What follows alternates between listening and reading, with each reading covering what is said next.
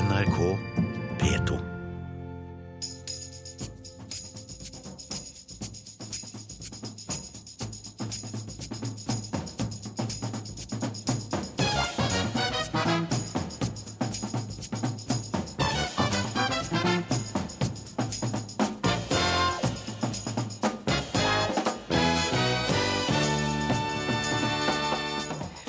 Ukeslutt hjelper budsjettkameratene med å løse opp i forhandlingsfloken.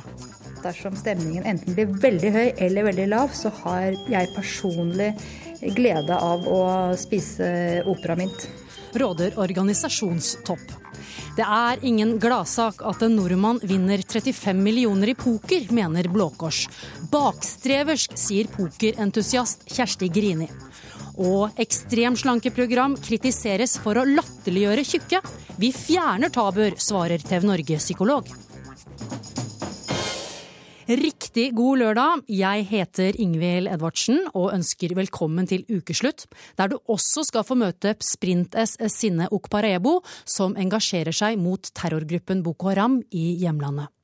Først gir Tonje Grimstad oss de siste nyhetene. Irakiske regjeringsstyrker har brutt IS-krigernes beleiring av landets største oljeraffineri etter flere måneder med kamper, ifølge irakiske militærkilder. I går klarte styrkene å gjenerobre byen Baiji like ved raffineriet. I dag trakk krigerne fra IS seg tilbake også fra oljeraffineriet, ifølge en hæroffiser. Fem sivile, blant dem to barn, er drept i nye kamper i Øst-Ukraina, ifølge lokale tjenestemenn. De fem ble drept av artilleriild nord for opprørsbastionen Danetsk sent i går.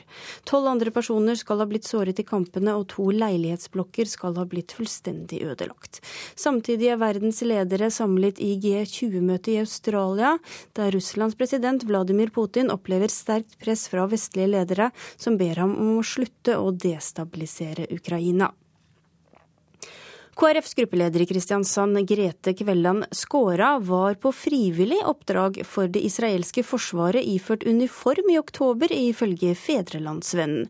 Hun gjorde tjeneste i Israel i stedet for å diskutere budsjettet med bystyret i Kristiansand.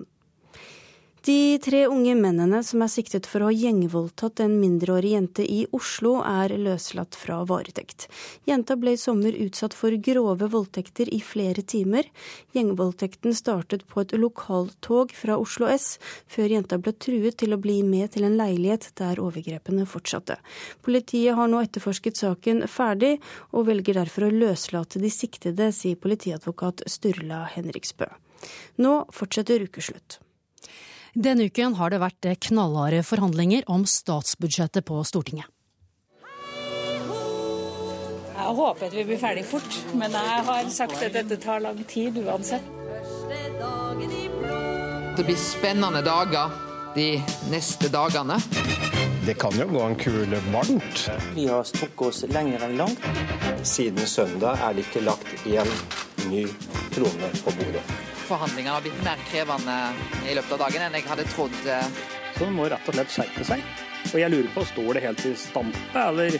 Vi er løsningsorientert for å få til løsninger. På torsdag måtte budsjettkameratene innse at de ikke klarte å komme til enighet om å fortsette i morgen. Men eh, hva skjer bak lukkede dører, og hvordan holde ut time etter time? Reporter Gry Veiby har truffet noen som har svart belte i forhandlinger. Uh, Omtrakta kaffe? Ja, det, det, jeg drikker bare én kopp om dagen. Og kona drikker heller ikke noe særlig kaffe, så det vi trakter én kopp hver oss. Rolf utgår heller kokende vann sakte gjennom kaffefilteret. Til seg selv blir det te. Jeg ødela nærmest magen i, i de tida, tida som jeg var tillitsvalgt. Vi drakk jo kaffe fra klokka sju om morgenen og utover for å speede oss opp. Og, og ikke minst under forhandlinger og nattevåk og sånt noe. For du blir ømfintlig. Så du blir jo det blir sånn som en alkoholiker som uh, har drukket mye. Uh, du må ha mer og mer for å få effekt. Den høye, slanke mannen med blå flanellskjorte og bart har erfaring fra 16 år som fagforeningstopp i Kverner. Mer om det snart. Vet at Det der med strikking, det er altså ren terapi. For i et hjørnekontor i 17. etasje med utsikt over en grå og regntung hovedstad, sitter Anne Kari Bratten bøyd over strikkepinnene. Stedet jeg har heklet og strikket mye, så er det i mekling. Altså Forhandlinger og mekling, det er eh, det er nitidig arbeid først og fremst når det gjelder tålmodighet. For mens Utgård sverga til kaffe i forhandlinger, er lederen av arbeidsgiverforeninga Spekter, som i fjor ble kåra til en av de mektigste organisasjonstoppene i landet, avhengig av å ha strikkepinnene tilgjengelig. Hva blir alt det du strikker til, da? Jeg kan strikke sokker med navn på til kollegene mine hvis jeg syns de fortjener det. Jeg, blir, jeg, er en, jeg, er en, djevel på raglandfellinger, og så er jeg en djevel på sånn eh, felle hæler til sokker. Felles for dem begge er at de har svart belte i forhandlinger. Og i en uke der en viss budsjettfloke har prega nyhetsbildet, er vel gode råd kjærkomne. Så spiss øra, regjeringskamerater. Du har en bønne til? Rolf Utgård gaper overdrevent høyt mens han skyfler hvite bønner inn i munnen på toåringen. Som bestefar forhandles det om litt andre ting enn lønn og arbeidsplasser. Etterpå skal det være gulrot. Disse forhandlingene går jo virkelig bra. Ja da, det er eh, Men eh, nå er hun liksom med og får jo lov til å ta noen beslutninger og også bestemme litt hvor mye vi skal ha hvert og Men tilbake til rådene ukeslutta samla til regjeringskameratene. Råd 1. Vis at du kjemper. Det er viktig for alle parter å signalisere at forhandlingene er ytterst vanskelig. At det er mye som står på spill. At man går på grensen av det som er forsvarlig, også personlig og fysisk. Det der med å være utholdende og sitte natta gjennom og megle på overtid og sånt noe, det er en del av spillet. Vi er nå i en eh, kritisk situasjon. Vi har strukket oss lenger enn langt og begynner å nærme oss en smertegrense. og Det betyr at vi for så vidt er på et Man kunne sikkert ha fått de samme resultatene mye tidligere og på en mye mer behagelig måte, men det er ikke mulig. Fordi partene skal hjem til sine og fortelle at eh, vi fikk ikke mer, eller vi oppnådde ikke mer enn det og det. Vi måtte gi fra oss sånn og sånn. Og det har ikke troverdighet hvis ikke de kommer hjem med blod på skjorta. Råd to kjenn din motpart. Du har jo bajasen, da. Cowboyen. Den som eh, skyter fra hofta, og som syns det er kjempemorsomt å brøle, slå i bordet og forhandle på den måten vi gjorde på 90-tallet. Sånn derre nå får du jammen gi deg, og du må forstå dette. Eller som karakteriserer ved å si at hva slags måte er dette å føre forhandlinger på og sånn. Og som også bruker sånne hersketeknikker som ja ja, nå har jeg forhandlet i 20 år, så jeg vet dette her, og jeg husker den gangen i 78 og sånn. Og så er det en annen type forhandler som prøver å spille på følelser og si at Altså, jeg er egentlig sånn personlig helt enig med deg, men skal du høre det at jeg har noen medlemmer eller noen oppdragsgivere som syns det er sånn og sånn. sånn, sånn så prøver å sånn spille på min sympati, da, liksom. Eh, og så tenker jeg at eh, ja, det er sjelden det gjør inntrykk på meg, da, for å si det sånn. Eller så er det de som er dønn proffe. Og de syns jeg jo møter flest av. da, Hvor vi liksom sier OK, her har vi en jobb. Vi vet at du mener det, og jeg mener det. Eh, hva vi personlig mener og ikke mener, er egentlig ikke så farlig, for vi har en jobb å gjøre her nå. Råd tre. Vær i god fysisk form. Forhandlinger kan vare lenge. Folk som er i dårlig form, som kjenner kroppen er skjelven og, og, og, og trøtt og elendig, eh, da tenker du ikke på samme måte klart og strategisk. Å oh, gud, da kunne ikke jeg hatt denne jobben her. Jeg er ikke noe god form. Jeg har ikke tid til å trene. Råd fire. Skap god stemning. Det bør legges vekt på en hyggelig atmosfære. De bør ha det godt når de er der. Kåre Willoch, tidligere statsminister, også med svart belte i forhandlinger. Jeg må understreke dette at det er veldig ofte slik at den motparten man forhandler med, kommer man til å møte igjen.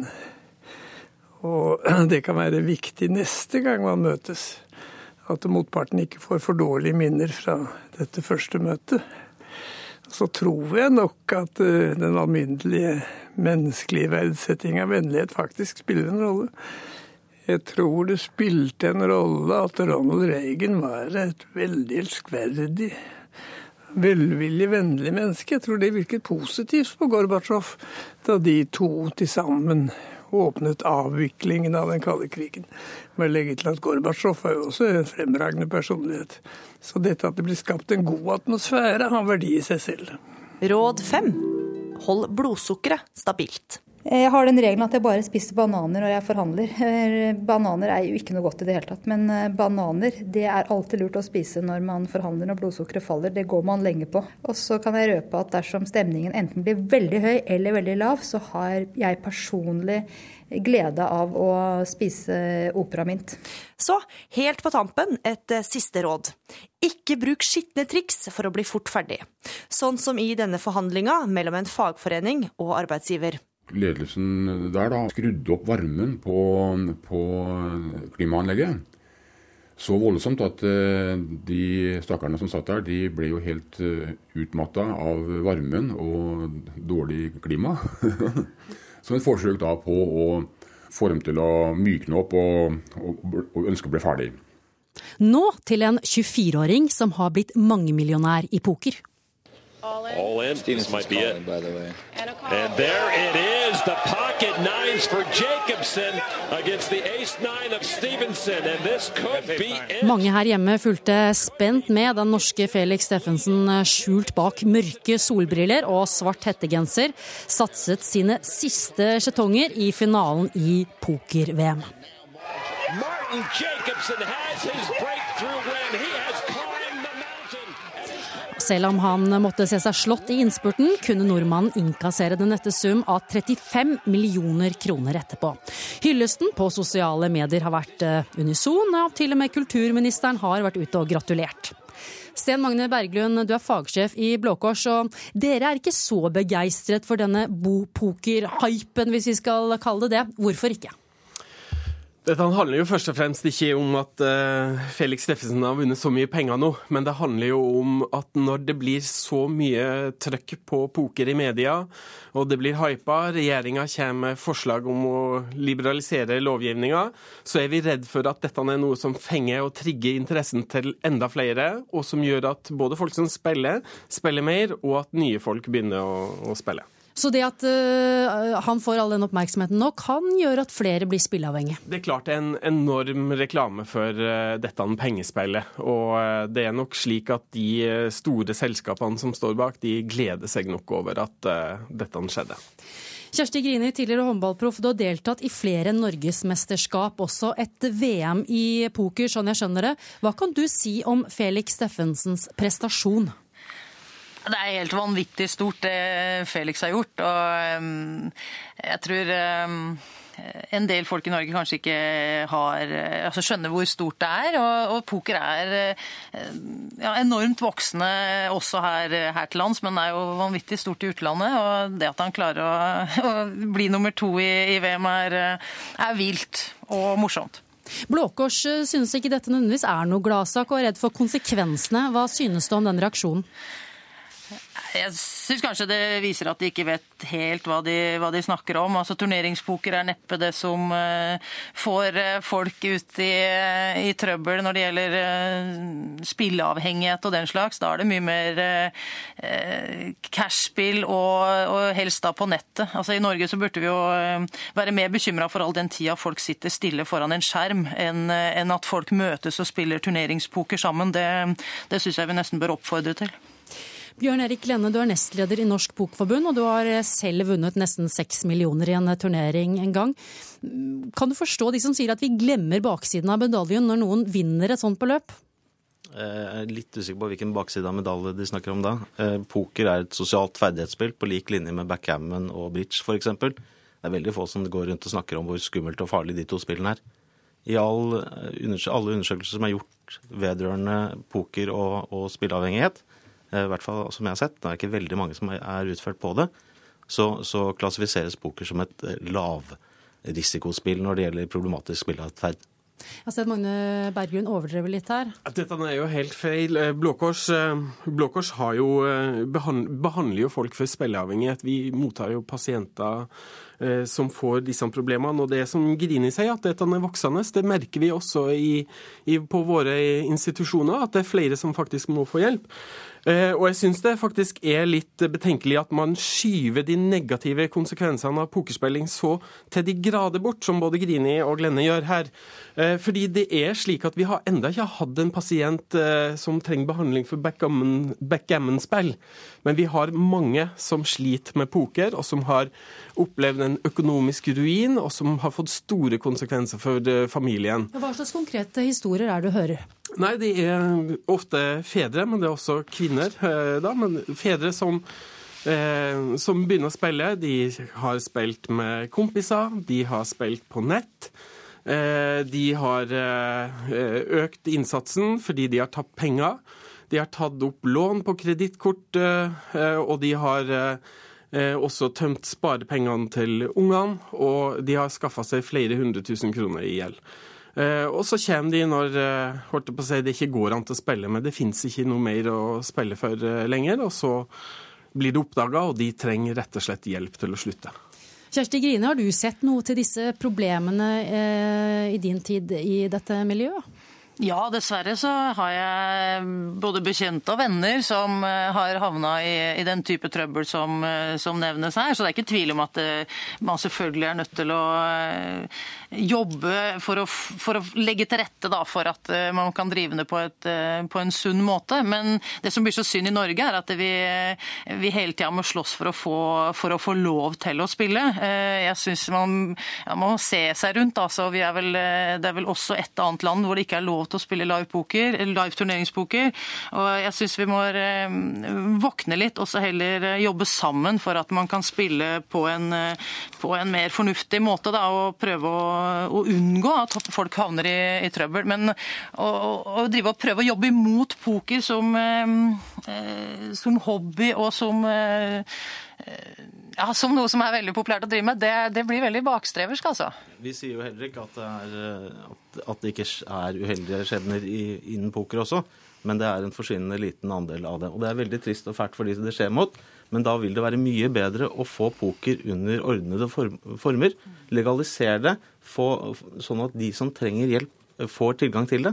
Men det kan jo høres ut på Blå Kors at det ikke er en uh, forsvinnende liten uh, andel? Lotteritilsynet gjennomførte i fjor en brukerundersøkelse som, til, eh, som sa at 1,09% av de som spiller poker på nett, opplever et problem med spillet sitt. Til sammenligning så kan du f.eks. si at bingo har 2,5 eh, Enkelte av, av Norsk Tipping sine spill har, har gått over seks. så, så, det er ikke der problemet er. Men la oss heller få det legalisert. La oss få nettpokeren regulert, sånn at man kan fange opp de som faktisk får problemer. Nå Sette vis, begrensninger på nå spill. Nå viser jo undersøkelser at når du, på en måte, når du gjør tilgjengeligheten til pengespill større, så øker du også spillinga, og så øker du også faren for å få eh, flere problemer. Slik at den politikken som vi har hatt fram til i dag, den har faktisk virka regulerende. Så jeg syns det er fint at man tar til orde for å behandle og gi folk hjelp.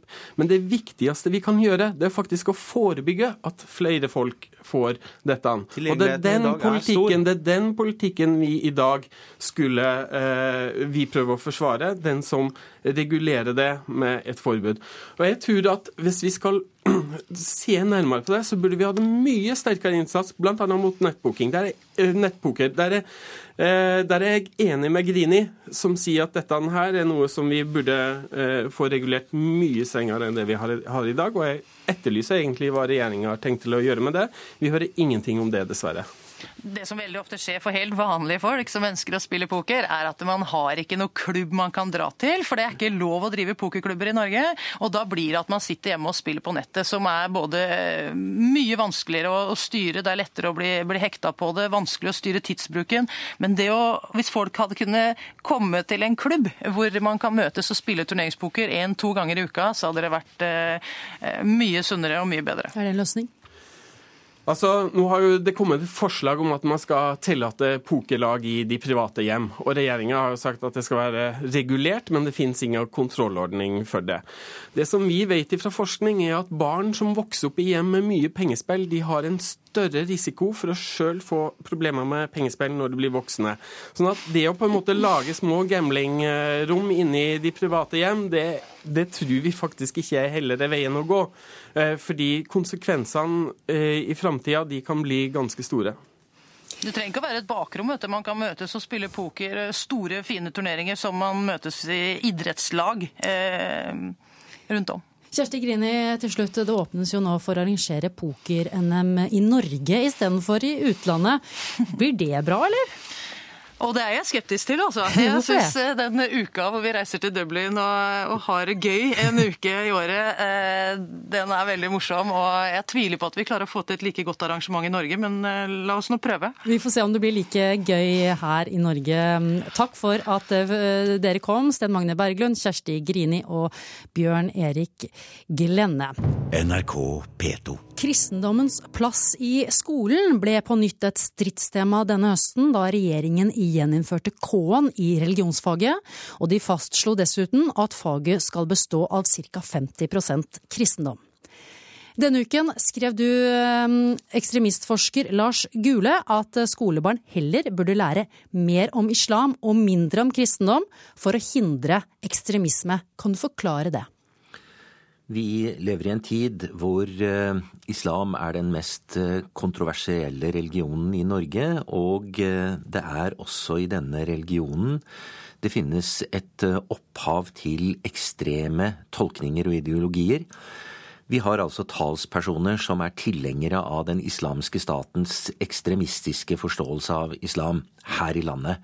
Og det bør vi arbeide for å motvirke. Det kan vi gjøre ved at folk flest og muslimer selvfølgelig da, eh, får bedre kunnskaper om islam i islams fulle bredde, det mangfoldet islam faktisk er.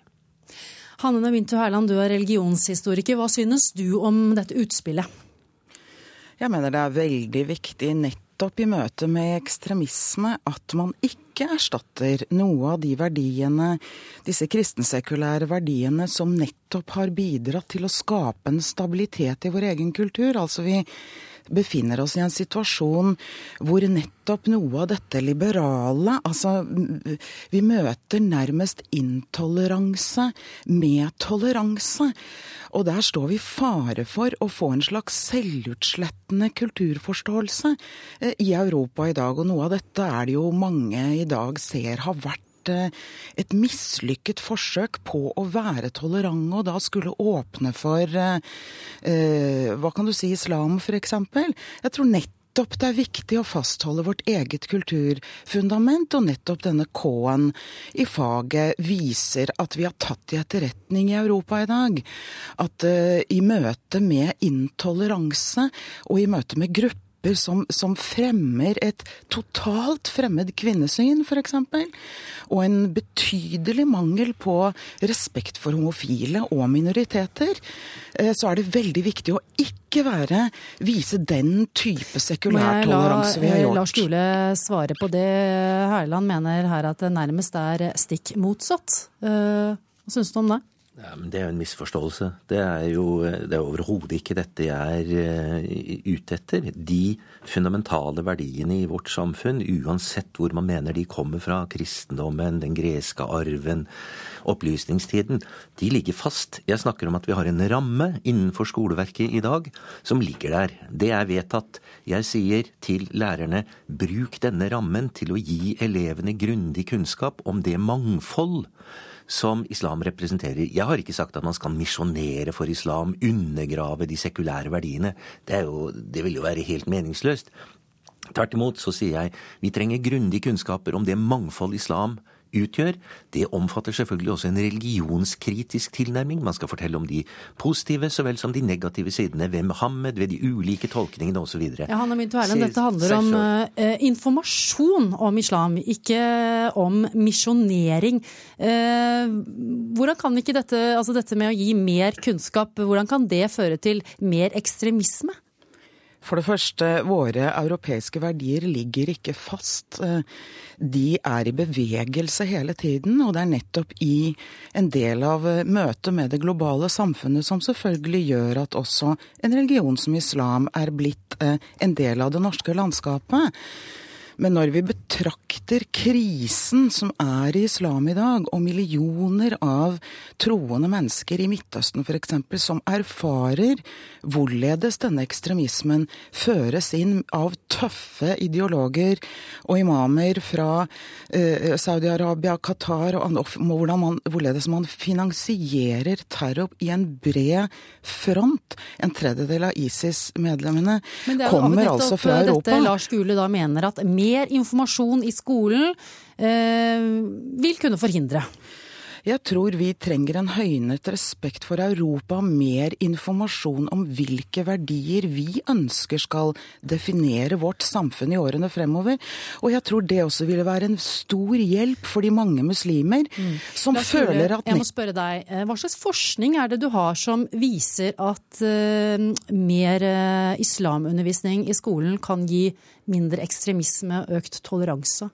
Nei, det har jeg ikke noen forskning som belegger. Det vi har en viss forskning som belegger, det er at gode kunnskaper om islam eh, motvirker ekstreme tolkninger av denne religionen blant unge muslimer. Det har vi et visst forskningsmessig belegg for, bl.a. fra studier i, eh, i, Storbritannia. Vi kan gjøre visse observasjoner også i Norge som indikerer eh, det samme.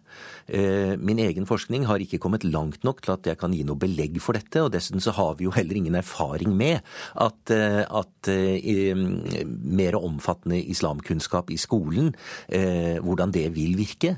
Dette er mitt forslag fordi på basis av den kunnskapen vi da ellers har, er dette et rimelig forslag. Dessuten jeg må også understreke at det handler ikke bare om å, om å motvirke ekstreme holdninger blant muslimsk ungdom. Det handler også om å motvirke fordommer og islamofobi blant, blant, blant nordmenn. Og da er det jo relevant å spørre, snakke om det gryende jødehatet man hører om av og til i Norge.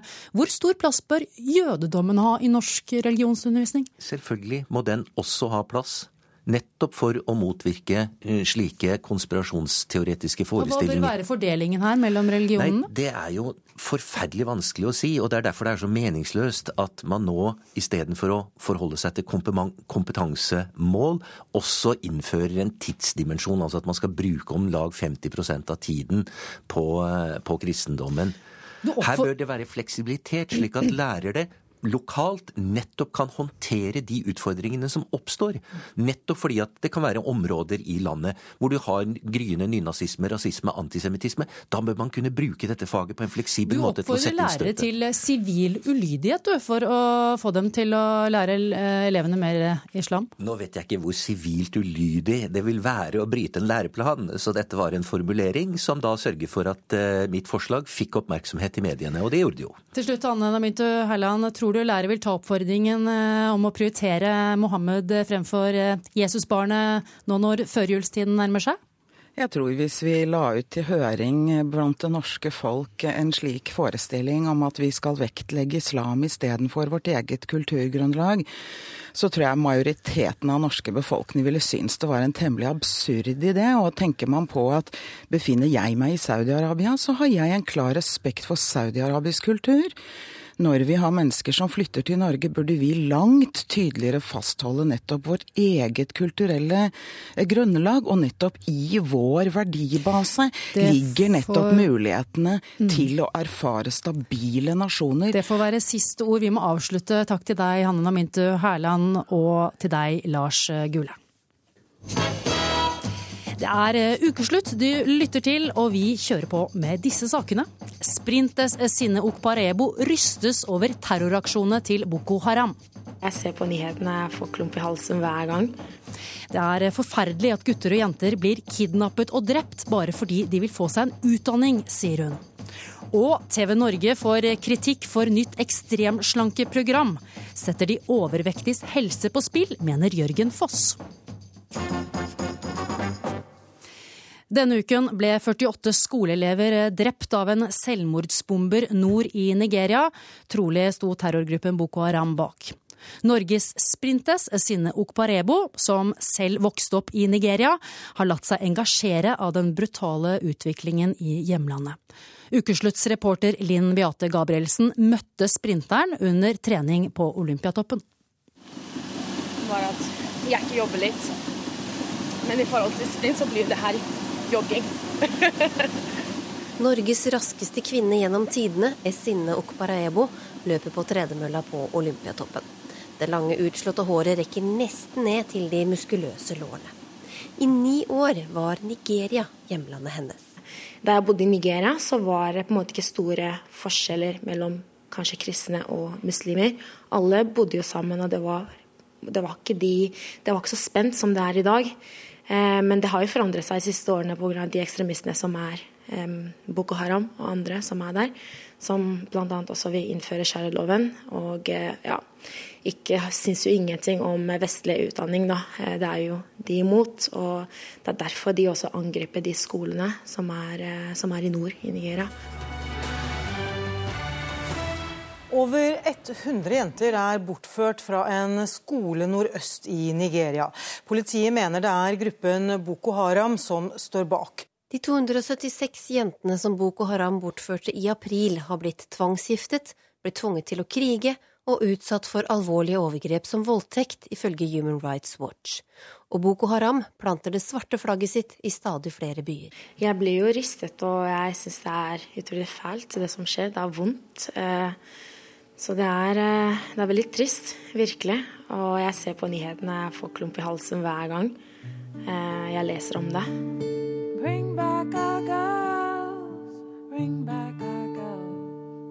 Jentene har jo ikke blitt funnet ennå, så de er jo fortsatt borte. Og jeg, det er surrealistisk da, at det, sånne ting skal skje for, på grunn av noen vil ha en utdanning, og noen vil ja, gjøre noe med livet. Da. Og det er, det er rett og slett trist, fordi det er jo fundamentale ting som jeg føler at alle har rett på.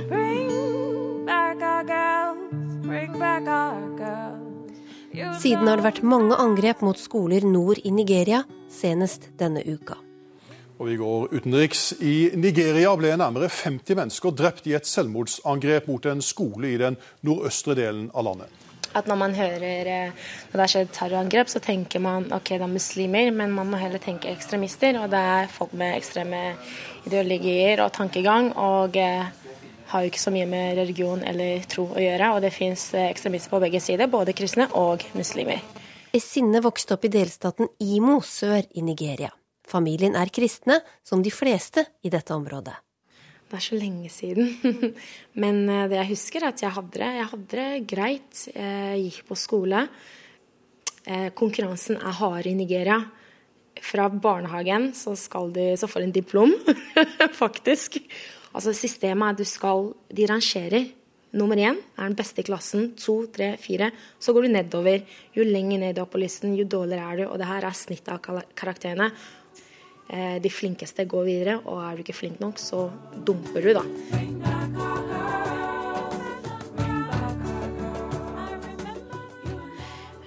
Av og til så prøver jeg selvfølgelig å tenke da, hvordan hadde livet mitt vært hvis jeg ikke hadde vært der, eller hvis jeg ikke hadde begynt med idrett, eller Jeg hadde sikkert hatt det greit der vi er fra, men etter hvert så kan det tenkes at de også vil operere utenfor Norden, nord i Nigeria. Og da kommer de som også bor i sør og øst og vest, og bli ja, ja, affektert av det her.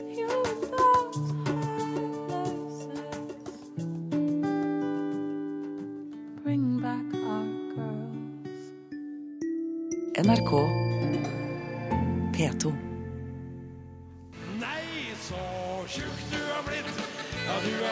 Det er lagt på deg, gitt. Også du som har tynn som ei høvelflis. Nå har du blitt feit som en julegris. Nei, så tjukk Ja, nå har TV Norge tatt Ole Ivars låt på ordet og vil slanke noen av de aller mest overvektige her i landet. De holder nemlig på å lage en norsk versjon av det amerikanske slankeprogrammet The Biggest Loser, eller Den største taperen. Last chance. Workout. Let's go! Caps lock OMG. You weigh over 400 pounds. Your son needs you. So you can do that for him. Now get up! Programmet, som er inne i sin 16. sesong i USA, konkurrerer ekstremt overvektige mennesker med å gå mest ned i vekt. Og nå er det altså nordmenn som skal gjennom beinharde treningsøkter og veies ikledd undertøy med TV-kameraene rettet mot seg. Jørgen Foss, leder i Landsforeningen for overvektige. Du er kritisk. Hvorfor det? Jeg er kritisk fordi at dette her er Eh, Altså, dette er ett av veldig mange TV-programmer som TV Norge lager, eh, hvor man skal slanke nordmenn. Man skal sette eh, overvektige nordmenns eh, helse, etter min mening, litt på spill. Eh, man skal eh, eh, holdt på å si tvangs- eller eh, hasteslanke disse menneskene i, en kort periode eh, med TV-kameraene eh, rundt seg. Eh, og i dette tilfellet så lager de til og med et program med tittelen eh, The Biggest Loser. Eh, og i mine ører så er det veldig negativt. Det er veldig negativt, eh, veldig negativ titler. Og jeg er redd for at dette bare er med på å skape eh, større stigma rundt en gruppe som allerede dessverre eh, er eh, i stor grad stigmatisert i samfunnet. Ja, Du har kalt det latterliggjøring? Jeg har kalt det latterliggjøring. Og, det handler Det, er jo, det spiller jo tilbake på tittelen her, av The Biggest Loser.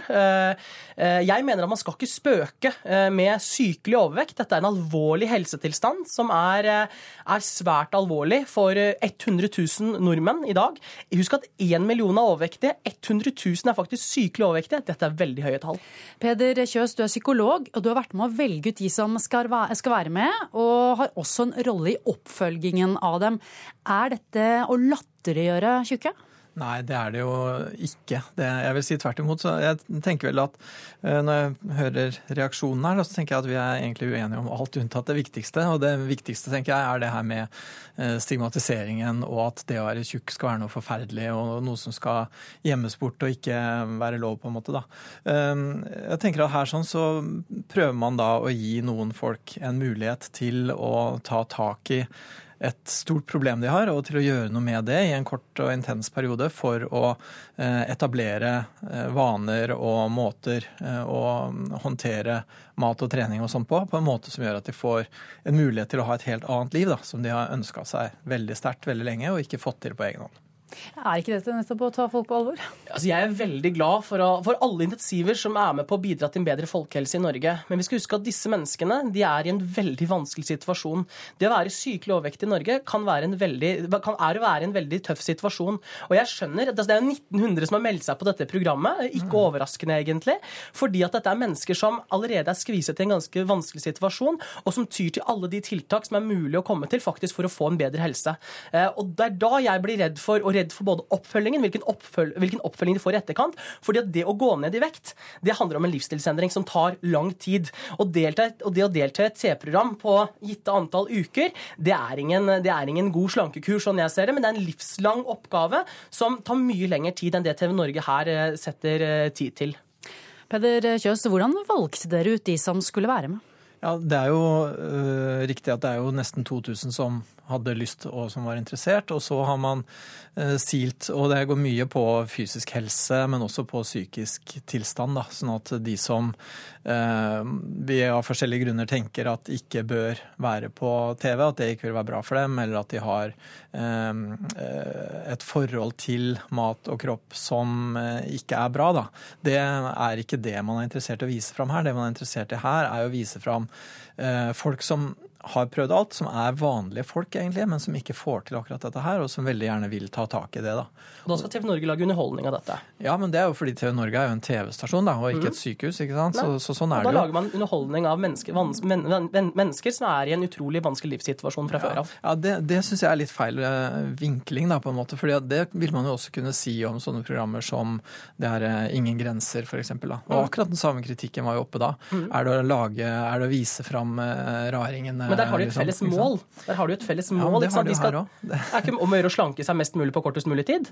Her er det om å gjøre å etablere et helt annet sett av vaner og en helt annen livsstil. Men hvordan ser vi det over tid? Hvor, hvor, lenge disse, hvor lenge er disse deltakerne med i dette programmet? Hvor mange uker er de Ja, jeg husker ikke akkurat det, faktisk. Men de er, de er inne i hva er det, ni uker, tror jeg, i det huset. Og så er de hjemme, og så følger man det Og Jeg har ikke ikke sett noen helsemyndigheter som anbefaler folk om å gjøre ekstremslanking på ni uker, og vips, så, så får du en livsstilsendring. Det er ikke noe tro på. Dette er ting som vil ta tid, og Mm. som, vil, som er viktig at disse deltakerne Og jeg, jeg oppfordrer og anmoder TV Norge i sterk grad til å gi dem den oppfølgingen som faktisk trengs. For det Mm. De å være i en overvektig Hva, hva, da må, vi, da må Peder Kjøs fortelle, for du skal jo være med på oppfølgingen. Hva slags, eh, hva er det lagt opp til? Ja, Det de får underveis der, da, er jo trening og en ekstrem og rask vektreduksjon. Mm. Og så får de hjelp med kosthold. De har, de har en sånn der ernæringsfysiolog, og de har en sykepleier. Og alle kommer til å gå ned i de ni ukene. Alle går ned, alle går ned Masse. masse. Det, det har de gjort. De har gått ned veldig mye. Og så er jo det det store spørsmålet klarer de å opprettholde. Mm. Og Derfor så følger man dem også en Hvor lang tid ettertid får de oppfølging? Nei, Det husker jeg ikke hvor lenge det er. Det har jo gått uker, 16 eh, sesonger i USA. I flere land er dette blitt vist. Også er det laget en egen skandinavisk versjon, har jeg skjønt, hvor det var nordmenn eh, med. Men hva vet man om hvorvidt disse menneskene, deltakerne, klarer å holde seg tynne? Man vet at en del klarer det, og en del klarer det ikke. Det er eh, mange som går opp igjen, det er det. Og prosent husker jeg ikke, det er litt forskjellige. Det er flere som har forska på disse deltakerne. da. Og, og, og, noen går opp, og noen gjør ikke det. Noen har en varig vekt. Jørgen Foss, er det ikke bra at faktisk noen av de klarer det, da? Det er kjempebra, og jeg oppfordrer alle i Norge til å være mer fysisk aktive og være i aktivitet. Og så håper jeg at og så mener jeg at det er ikke TV Norge sitt ansvar som sådan, men jeg er glad for at de vil være med og bidra. Men jeg er redd for at de faktisk gjør mer skade enn å bidra med å lage programmer som dette, dessverre. Du har jo selv eh, slanket deg mye. Hva er ditt viktigste råd når det gjelder oppfølgingen av disse menneskene etterpå? For det første så er jeg ikke så opptatt av slanking. Det jeg er opptatt av, er en god livskvalitet. Det er det som betyr noe for meg. Vekta har egentlig ingen betydning, og det er det altså dette programmet går på. handler om vekt. For meg så handler det om god livskvalitet. Kunne gå på Galdhøpiggen eller sette seg på sykkelen og sykle og kjenne vind i håret. Det er det som gir god livskvalitet. Oppfølgingen, da er det mental oppfølging. Det er kanskje noe av det viktigste jeg har lært. Selv om, selv om det er i si, mageregionen man ser endringen, så er det i hodet den største endringen skjer. Så det å få oppfølging uh, mentalt er kjempeviktig. Og jeg håper at det står helsepersonell der ute og tar imot disse, disse menneskene når de er ferdig dette programmet, som faktisk kan gi dem det tilbudet de faktisk trenger over tid for å gjøre en livsstilsendring. Samarbeidet med fastlegene deres, og, og i en fase så er, er jeg tilgjengelig da, som psykolog. og jeg har jo snakka med nesten alle deltakerne her, og det har vært veldig fint. Det har vært veldig lærerikt også for meg, da. Og jeg mener at mye av den mentale endringen skjer. Og så er jeg egentlig litt uenig i at eh, livskvalitet ikke trenger å ha med vekt å gjøre. Det mener jeg for, for disse deltakerne så er det helt klart at deres livskvalitet har veldig mye med deres vekt å gjøre. Jo, men selvfølgelig, det, det, det, jeg misforstå, fordi mm. selvfølgelig ved at man går ned i vekt, mm. så har jeg fått en bedre livskvalitet. Mm. Men det er ikke vekta jeg har fokus på. Vekta for meg er totalt irrelevant som sådan. Det vekttallet som det fokuseres veldig mye på på TV. Takk til dere, Jørgen Foss i Landsforeningen for overvektige og psykolog Peder Kjøs. Vi skal til eh, noe mange sitter og følger med på akkurat nå. For eh, temmelig nøyaktig 24 minutter siden startet det sjette oppgjøret mellom Magnus Carlsen og Vishy Anand i sjakk-VM i Sotsji. Regjerende verdensmester Carlsen har eh, slitt med å få has på inderen denne uken, og etter fem partier står det helt likt i finalen. Reporter Mats Nyborg Støstad, du er vår mann i Sotsji i dag. Hei! Hei sann. Det er mange trekk igjen, men hvordan har Magnus åpnet? Det har vært en spennende åpning rett og slett fordi begge de to dronningene er av bordet allerede. Det betyr at vi kommer veldig kjapt inn i det man kaller sluttspill i sjakk, og det er perfekt for Magnus Carlsen. Så jeg så akkurat en, en, en av verdens beste spillere skrev på Twitter at dette her er en, en marerittåpning for Vishy Anand, så det er bra. Godt nytt altså. Det står helt likt mellom de to nå. Hvem har eh, størst grunn til å være fornøyd med det? Jeg vil si at definitivt at Magnus har, har størst, fornøyd, altså størst, grunn til å være fornøyd med det. Han har jo da ett parti mer igjen med hvite brikker, og det er jo selvfølgelig en fordel, for da starter man. Eh, samtidig så blir det spennende å se. da, Shianan har jo nå bevist at han, han, er på høyden psykologisk her, at han ikke har kollapsa. og Det er jo det er også viktig for han å ta med seg, så vi får se. De to møttes eh, også i fjorårets igjen. Den gang var det Magnus Carlsen som eh, klarte seg best. Hva skiller årets mesterskap fra fjorårets? Nei, Først og fremst så virker det rett og slett som uh, Viswanathan Anand har en helt annen psykologisk inngang til dette. her. Han har mye mer selvtillit. I fjor, så, etter han tapte to partier i de femte og sjette partiet, så kom han liksom aldri tilbake igjen. Han, han så nervøs og, og, sliten ut. Mens nå, nå har han, tapte han jo det, det andre partiet her, og, men har greid å reise seg, komme tilbake med en gang med en seier. Så det virker rett og slett som Anand er en helt, uh, helt, ny, helt ny mann. Hvor viktig er dagens parti? Dagens parti er det første av to på rad med, med hvite brikker for Magnus Carlsen. Eh, og så Det han sa selv på pressekonferansen i går, var at dette er hans, hans store mulighet til å få inn, en, få inn en, en, et skikkelig slag. Så Hvis han kan greie å vinne enten dette partiet eller neste parti, så blir det da mye mer press på, på Anand, Anand, resten av VM. Så faktisk er det ganske viktig for Carlsen å, å få inn en fulltreffer i løpet av de to neste partiene, enten i dag eller i overmorgen. Takk til deg, reporter Mats Nyborg Støstad. Partiet kan du følge på nrk.no sjakk. Og da håper jeg vi har med statsmeteorolog eh, Terje Alsvik eh, Volle. Det har du. Du har vel kanskje ikke øynene rettet mot sjakkbrettet akkurat nå, men kan si oss litt om været som er i vente? Det skal jeg gjøre. Og det er eh, tørt vær for de fleste i Norge nå neste døgnet, men her i sørøst så kan det komme litt regn av og til og fortsatt mye gråvær i sørøst, ellers mye fint vær resten av landet. Temperaturen nå for øyeblikket varierer fra pluss 13,6 i Bergen til minus 22,6 i Nyru, som ligger i indre Pasvik. Temperaturen i morgen blir litt lavere de mest fleste stedene fra Nordland og sørover. Små endringer i Troms og Finnmark og kaldere vær på Spitsbergen. Vi starter med fjellet i Sør-Norge som får sørøstlig bris, men i vestlige fjellområder lokalt kuling. Og sør for Finse i vestlige strøk så kan det være oppå sterk kuling enkelte steder. For det meste skyet vær, av og til litt østlig eller snø i østlige deler av langfjellene, ellers stort sett oppholdsvær. Østland og Telemark bris omkring øst, på kysten opp til liten kuling. Skyet, spredt regn eller yr, men bare i små mengder. Snøgrense ca. 600-900 meter, i morgen litt lavere, og det blir stedvis tåke i høyden. Sørlandet bris omkring øst, på kysten øst for Okse liten til stiv kuling. Lenger vestover på kysten stiv til sterk kuling. Skyet, litt regn av og til, særlig i østlige områder. Snøgrense 800-900 meter og stedvis tåke i høyden. Rogaland bris omkring øst, stiv til sterk kuling lokalt, eh, både i lavlandet og i fjellet der det blåser mest. Skyet eller delvis skyet, og det blir oppholdsvær. Hordaland og Sogn og Fjordane østlig bris, av og til liten til stiv kuling i enkelte utsatte fjordstrøk. Oppholdsvær og perioder med sol. Møre og Romsdal sørøstlig bris, lokalt frisk bris. For det meste lettskyet, pent vær. Trøndelag sørøstlig bris, lokalt liten kuling. I indre strøk stedvis skyet, ellers blir lettskyet, pent vær. Nordland-Troms får sørøstlig frisk bris, men i Troms bare skiftende vis og stort sett pent vær. Finnmark sørvestlig frisk bris, lokalt stiv kuling i øst. For det meste oppholdsvær. I morgen vestlig bris, liten kuling på kysten i øst. Enkelte sludd- eller regnbyger på kysten, ellers fortsatt oppholdsvær. Til slutt Nordensjøland på Spitsbergen. Fra i kveld nordvestlig frisk bris og oppholdsvær. I morgen til dels pent vær. Og det været fra Meteorologisk institutt. Det er eh, ukeslutt over. Ansvarlig for denne sendingen var Halvor Haugen. Teknisk ansvarlig Mari Janne Myrhold. Jeg heter Ingvild Edvardsen og håper du får en fin dag.